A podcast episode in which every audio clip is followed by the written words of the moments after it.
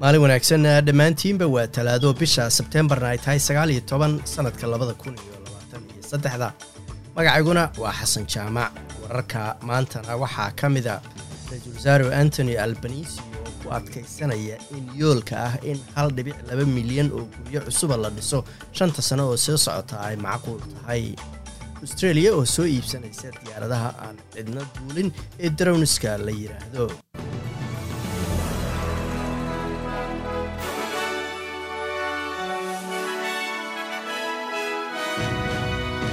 ra'iisul wasaare antony albanisi ayaa sheegay in qorshaha dowladdiisu ay guryo dheeraada ku dhisayso lagu gaari karo iskaashi.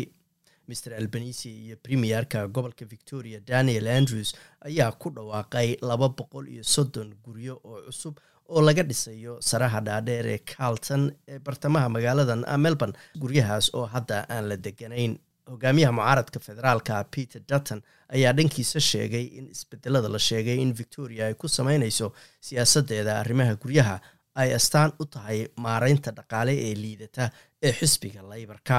Australia ayaa soo gadan doonta diyaarado badda lagu ilaaliyo oo qiimahoodu gaarayaan hal dhibic shan bilyan oo dollar. Dowladda ayaa soo iibsanaysaa afar darown oo nooca triton la yidhaahdo iyo afar iyo toban diyaaradaha ilaalada badda ah. Darownka nooca triton ee ugu horreeya ayaa dalka la soo gelin doona ayaa la yidhi sanadka soo socda waxaana fadhigoodu uu noqon doonaa northern territory. Canada ayaa dalkeeda ka musaafarisay sarkaal sare oo ka tirsan sirdoonka dalka hindiya. Dowladda canada ayaa sheegtay inay heshay warar lagu kalsoon yahay oo dowladda hindiya la xiriirinayo hogaamiyo ka tirsanaa bulshada siinga-siingaha una ololeyn jiray inay ka go'aan dalka hindiya. Hardib sing nijar oo muwaadin kanadiyaan ah ayaa lagu toogtay dibadda macbad bulshada siigu ay ku leedahay magaalada sari ee galbeedka canada jinaha iyo ruushka ayaa sii kordhinaya xulufaysigooda ama iskaashiga labada dal ay leeyihiin iyadoo dhaliilo maldahan markaasi u jeediyey maraykanka. Wasiirka arrimaha dibadda china wang yi ayaa bilaabay afar casho oo booqasho ku joogaya dalka ruushka halkaas oo wadahadallo labada dal uu ku dhex mari doono kuwaas oo qeyb ka ah shirka sanadlaha ee lagu falanqeeyo ama ay kaga wada hadlaan arrimaha amniga. Madaxa arrimaha dibadda midowda yurub joseph borrell ayaa sheegay inaysan jirin xal kale oo lagu xallin karo colaadda falastiin iyo yuhuudda ee aan ka ahayn xalka labada dal.